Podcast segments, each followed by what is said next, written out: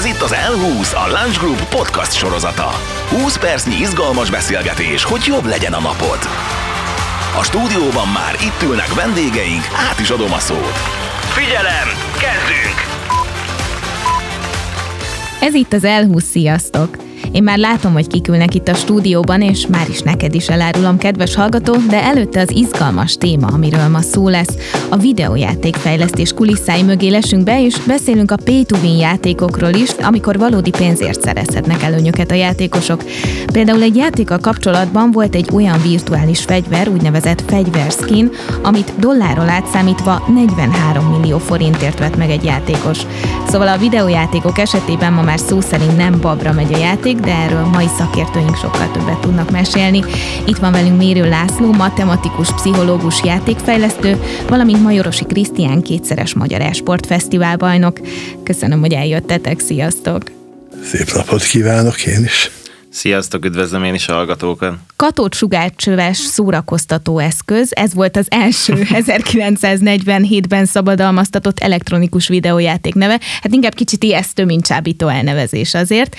László, te játékfejlesztőként ügyvezető igazgatója voltál egy olyan cégnek, amely többek között a Nokia-nak és a Disney-nek is fejlesztett mobilos játékokat. Hogyan képzeljük el ma a játékfejlesztést? Mennyi idő, hányan dolgoznak rajta?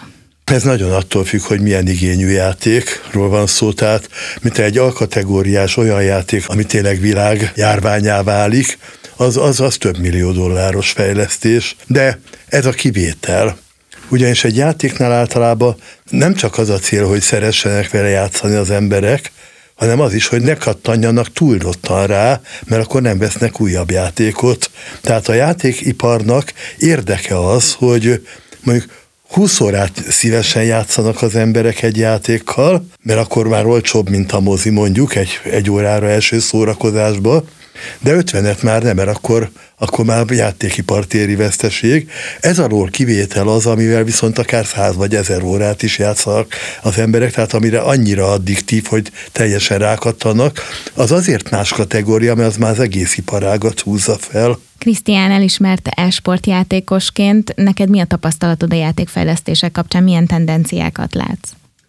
Én tényleg igazából azt veszem észre, hogy a mai világban már talán mindenből próbálnak e-sportot csinálni, és talán erre fejezik ki a legnagyobb hangsúlyt. Régebben szerintem például, legalábbis a számomra tényleg elképzelhetetlen volt, hogy például egy mobilos eszközön játékból egy óriási, több millió dolláros özdíjazású versenyt csináljanak, még most már tényleg bármilyen játékkal, kis túlzással óriási versenyeket és nézősereget vonzanak be, illetve pár éve ugye most már virtuális valóság is, ugye a VR megjelent, amivel tényleg próbálják azt megadni a játékosoknak, hogy hiába van otthon, de annyira valamilyen szinten a szabadban is tudjon lenni, és teljesen oda tudja képzelni magát a maga a játéktérbe, és ezáltal teljesen ki tudjon kapcsolódni. Nyilván a fejlesztés az nagyon sok erőforrást igényel, és hát természetes módon ezt a kiadók vissza szeretnék szerezni valamilyen formában.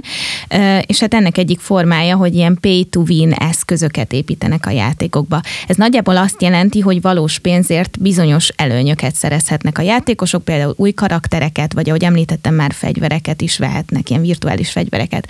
László, itt van valamilyen akár írott, akár íratlan szabály egy fejlesztő tekintetében, hogy mire terjesztheti ki a fizet fizetés lehetőségét? Tulajdonképpen én nem tudok róla, hogy lenne, és nem is biztos, hogy kell, hogy legyen. Egy játékfejlesztőnek egészen mások a szempontjai, mint egy tanárnak, vagy egy politikusnak, vagy egy moralistának.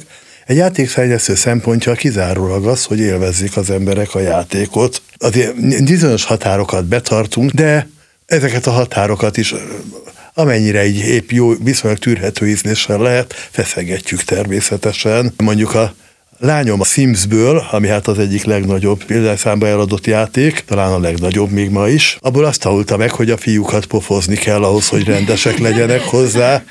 Nem állítom, hogy mint tanár ezzel egyetértek, de ha nem így csinálták volna meg a játékot, sokkal kevésbé lenne izgalmas. Tehát kevés, a játékfejlesztőként tökéletesen egyetértek vele, hogy ez, ennek csak így volt értelme. Itt majd nyilván majd a szülői kontrollra még visszatérünk, mert ez itt is egy fontos dolog, hogy ott, ott legyen egy szülő, aki elmondja, hogy mondjuk nem annyira pofozzuk a fiúkat. Krisztián, neked a FIFA játék a szakterületed. Ennél a játéknál, ha jól tudom, van játékon belüli vásárlási lehetőség. Pontosan ez hogyan működik? Igen, igen, a FIFA-ban minden évben óriási. Hát igazából kimondható, hogy a legnagyobb bevételt a kiadó az úgy szerzi meg, hogy különböző csomagokat vásárolnak a játékosok, amik igazából ahhoz szükségesek, hogy a legerősebb csapatokat meg tudják építeni. Ez a játékmód, ez az Ultimate Team névre hallgat, ahol tegyük fel, különbözőféle csomagok vannak, és mondjuk ahhoz, hogy egy talán a legismertebb focistákat, Cristiano Ronaldo-t vagy Lionel Messi-t nyisson az adott játékos, illetve a fizető óriási mennyiségű csomagot kell nyitnia, kicsit ilyen zsákba macska szerűen, és hát Ez itt azért... mit jelent összegben mondjuk, ha hát, messzit szeretnék a játék mondjuk? Mm, nagyon szerencsém múlik, tényleg van, aki már a ötödik csomagból azt nyit, de van, aki még az ezredik csomagnál sem tud egy ekkora játékost kinyitni. Én például a az elmúlt egy évben, ugye, ami a 21-es széria volt, én összesen egy Neymart nyitottam, pedig hát azért elég sok időt és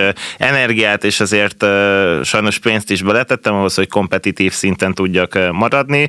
Hát, vannak különböző csomagok, ugye, ez egy maga a sztóron, ugye virtuális üzleten belül találhatóak, és mondjuk tegyük fel, hogy 5000 játékbeli zseton, vagy mondjuk 1000 forintért lehet venni egy olyan csomagot, amiben van 12 kártya, ugye kártyákból lehet összerakni a csapatot, amiben mondjuk három játékos van, viszont ezek nyilván be van skatujázva, hogy mennyire ritka játékosokat lehet kinyitni, és hogy mekkora a százalékos esélyre, míg mondjuk, ahogy mondtam, mondjuk ez a leggyengébb csomag mondjuk 5000 zsetonba kerül, és mondjuk 1000 forintba, miben 20 24 darab ritka játékos van, abban mondjuk nem tudom 100 ezer zseton, játékbeli zseton, és mondjuk körülbelül olyan 6-8 ezer forintba kerül, és ott sem garantál természetesen az, hogy mindenképp mondjuk egy Cristiano Ronaldo vagy Messi kategóriájú játékos fogunk nyitni. Talán tényleg ezt ahhoz hasonlítanám, mint a valódi futballt is, hogy ha beletesz és beleinvestál az ember több pénzt, akkor sokkal erősebb csapatokat tud megépíteni,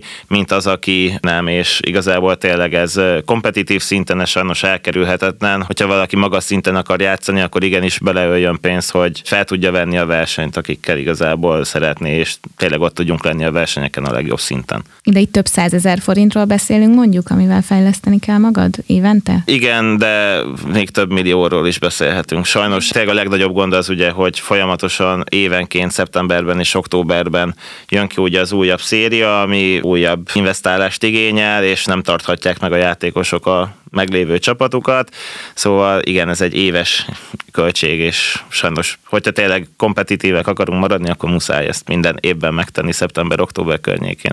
Ez nagyon érdekes, amit most mondtál, hogy minden évben jön valami új, és ez tulajdonképpen felveti a függőségnek a fogalmát. László, mint pszichológus és mint játékfejlesztő is fordulok most hozzád, hogy ennek mennyire reális a veszélye mondjuk a kiskorúakra nézve, hogy van egy ilyen pay to win lehetőség, folyamatosan lehet vásárolni, mindig van valami új, amit lehet venni a játékon belül. Ez mennyire lehet veszélyes, és kinél van a felelősség?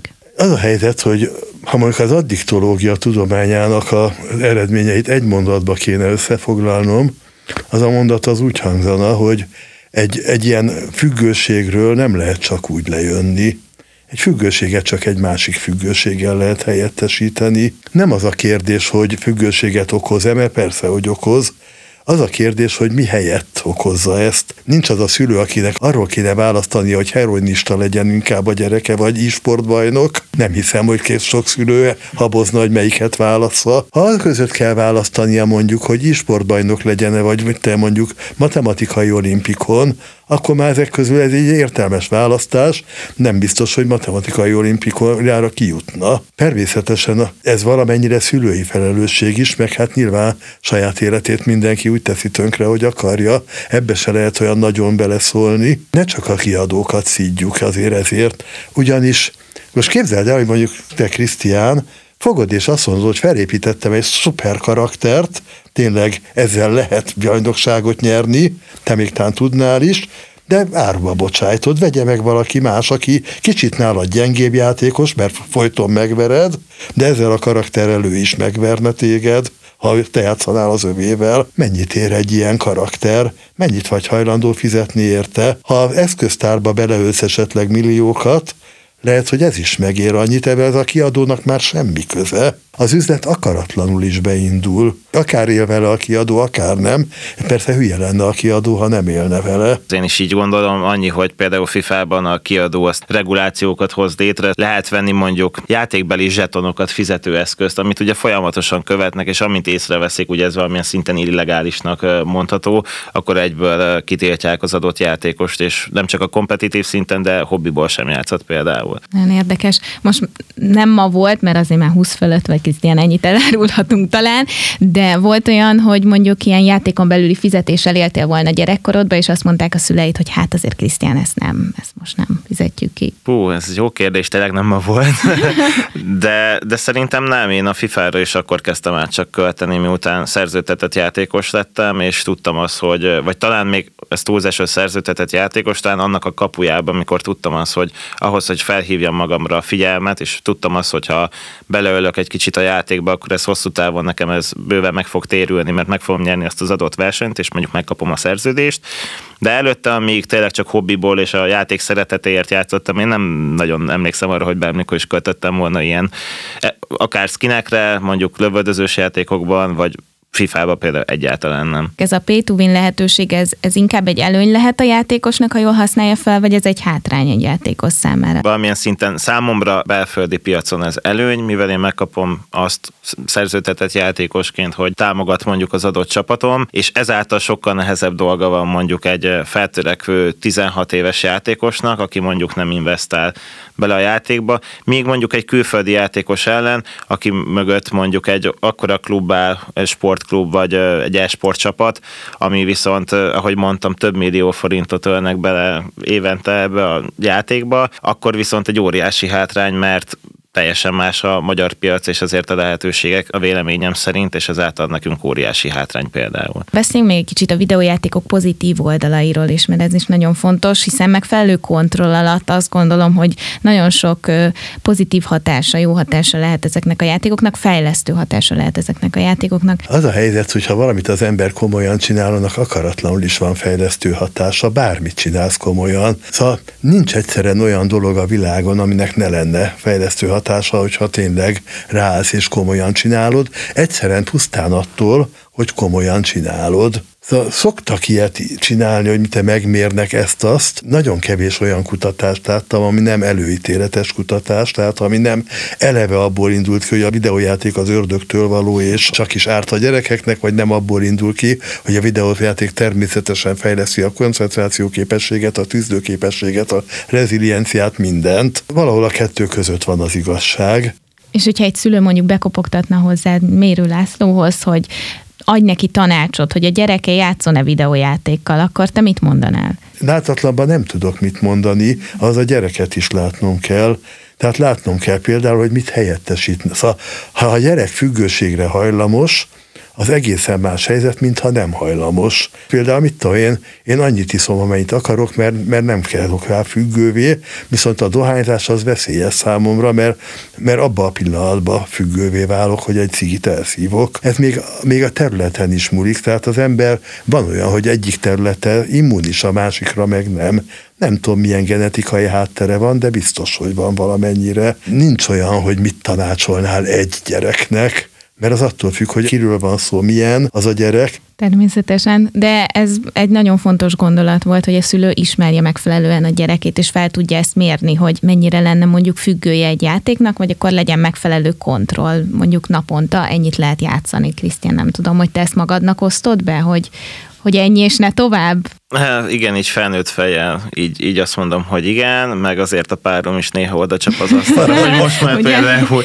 Mindig van egy szigorú nő a háttérben. Így, így van, így van, aki, mint tudjuk, pofozza a férfiakat a szintben is. Azért ne ezt hozzuk ki a podcastben, legyetek kedvesek, hogy bántalmazzuk a férfiakat, majd akkor annak egy külön részt szentelünk de tényleg mondjuk mikor kisebb voltam, akkor azért a szüleim mondták, hogy irány ki a szabadba, és szép idő van, és nekem valamilyen szinten a FIFA így is jött, hogy én igazából focista akartam lenni, de volt egy sérülésem 16 éves koromban, ami meggátolta, hogy tovább tudjam folytatni ilyen szinten, és ezáltal igazából a foci iránti szenvedélyemet váltotta fel a videójáték, a FIFA, hogy kielégítse igazából ezt az igényemet, hogy én focista akarok lenni, ha mondhatom ezt.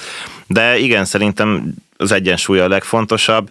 Akkor nyilván mondták, hogy miért ülök, mikor voltam 14 éves, mondjuk 3-4 órát akár a gép előtt, de most meg tökre örülnek, hogy igazából azért nem, nem néha azért, hogy azért kiküldtek bőven játszani a kertben, meg hogy megvolt az egyensúly, de azért ezzel is foglalkoztam, mert végül tényleg megérte, és, és most már teljesen támogatják ezt a részét, és tudják, hogy profi szinten űzöm, és a, valamilyen szinten a hivatásom is lett, és tényleg támogatják. Mennyi gyerek fog most erre hivatkozni, hallják a podcastet, hogy na ezért játszom négy-öt órát, anyu. Igen, bár azért azt kell látni, és ez minden élsportnál így van, nem csak az, nem csak az e-sportnál, hogy vannak a ötödikek, meg a tizedikek, meg a századikok, és nekik nem fog így bejönni, holott ugyanannyit edzenek, ugyanannyit dolgoznak. Láttuk mondjuk a Totka esetén, de 45 ezred másodperccel nyert, az kb. 4 centiméter. Az, aki 4 centivel később ér célba, az annyival gyengébb. Hát így van. Néha nagyon kicsiken múlik.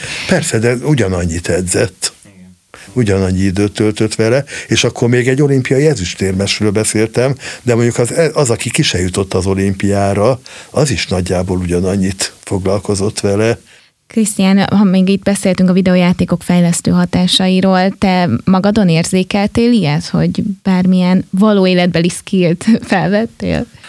Persze, én a szakdolgozatom is az esportról írtam, és ott, hát ahogy mondta László is, nagyon sok az előítéletes cikk, és hát, hogy tényleg, hogy igazából a sport és az esport között, hogy mekkora a különbség, és hogy mi, ne, mi tekinthető annak, és mi nem. De én például tényleg magamon érzem azt, hogy a motorikus készségeim, a reflexeim, azok bőven fejlődtek, a kitartásom is. De, de azok fejlődtek volna mástól is. De igen, de hogy... Nincs hogy ellenpróba. Persze, ez így van, és mentálisan a teherbírásom az biztos, hogy nőtt. Szóval régebben én például szerintem sokkal nehezebben kezeltem a nyomást, ha mondhatom ezt, de így tényleg a sok versenyzés és meccsek hatására szerintem ez nagyon nagyban nőtt, és annyira el tudom magam engedni egy ilyen rendezvényen is, hogy inkább azért játszom, mert élvezem, és nem feltétlenül azért, mert nyerni akarok. Az más kérdés, hogy össze is jön általában a győzelem, üzenem, de hogy inkább azért játszom, mert hogy élvezem, és nem, nem görcsölök azon, hogy most úristen, mekkora a tét. Hát a játékfejlesztés jövője érdekelne még így zárásképpen, hogy mit gondoltok erről, hiszen itt most említettem egy ilyen katócsugárcsöves játék 74 évvel ezelőttről. Nagyon érdekes, hogy vajon 70 év múlva mi lesz majd, mit gondoltok? Az a lényeg, hogy nem tudjuk elképzelni. Tehát, hogy okos telefon 15 évvel ezelőtt el se tudtuk képzelni. A telefon az egy ilyen az a Nokia 3600-as volt, és milyen jó kis gép volt az. Szóval Megmaradt tehát, akárhol, igen. Igen, T-rex hasában is, mint hallottuk. Tehát nem tudjuk megmondani, hogy merre felé fog fejlődni, mert pont azért, mert olyan új, új lehetőségek lesznek, amikre most még nem tudunk gondolni. Amire tudunk gondolni, azt nagyjából erőre tudjuk jelezni, tehát mitten körülbelül tudjuk, hogy mekkora lesz a játékpiac, de hogy mi lesz benne, az, arról fogalmunk sincs. Olvass el 50 évvel ezelőtti előrejelzéseket, mondjuk a római klub jelentését, nincs benne mobiltelefon, nincs benne internet, szóval egy szóval sem említik. Egyébként egész jó előrejelzés, tehát például a vonatok sebességét kitűnően eltalálták, a légi közlekedést is, aminek már van csírája, azt lehet tudni, de hát a mai életünkre nem ez a jellemző, hanem a internet, a mobiltelefon, egy csomó olyasmi, amiről 30 évvel ezelőtt meg se fordult a fejünkbe. Krisztián, te hogy látod a játékfejlesztés jövőjét?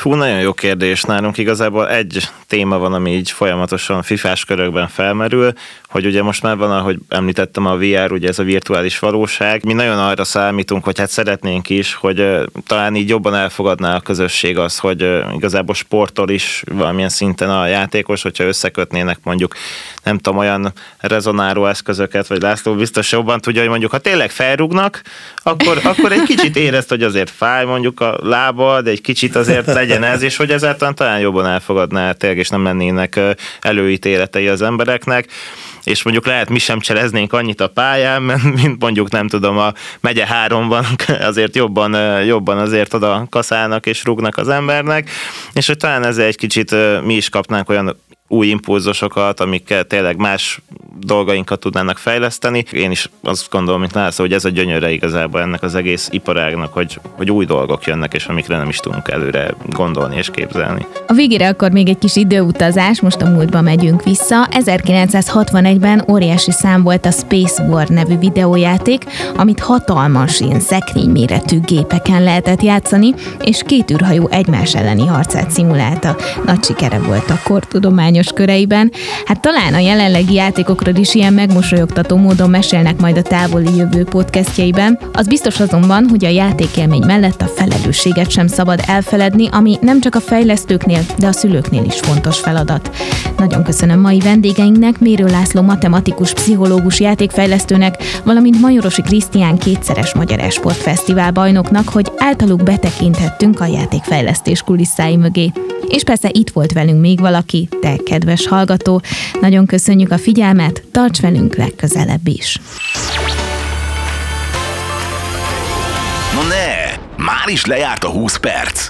Ugye lesz még több rész? Lesz, lesz, csak olvast fel a szöveget. Ja igen, ez volt az L20, a Lunch Group podcast műsora. Kövessetek minket, mert hamarosan új vendégekkel, új témákkal jövünk. Változatlanul 20 percben.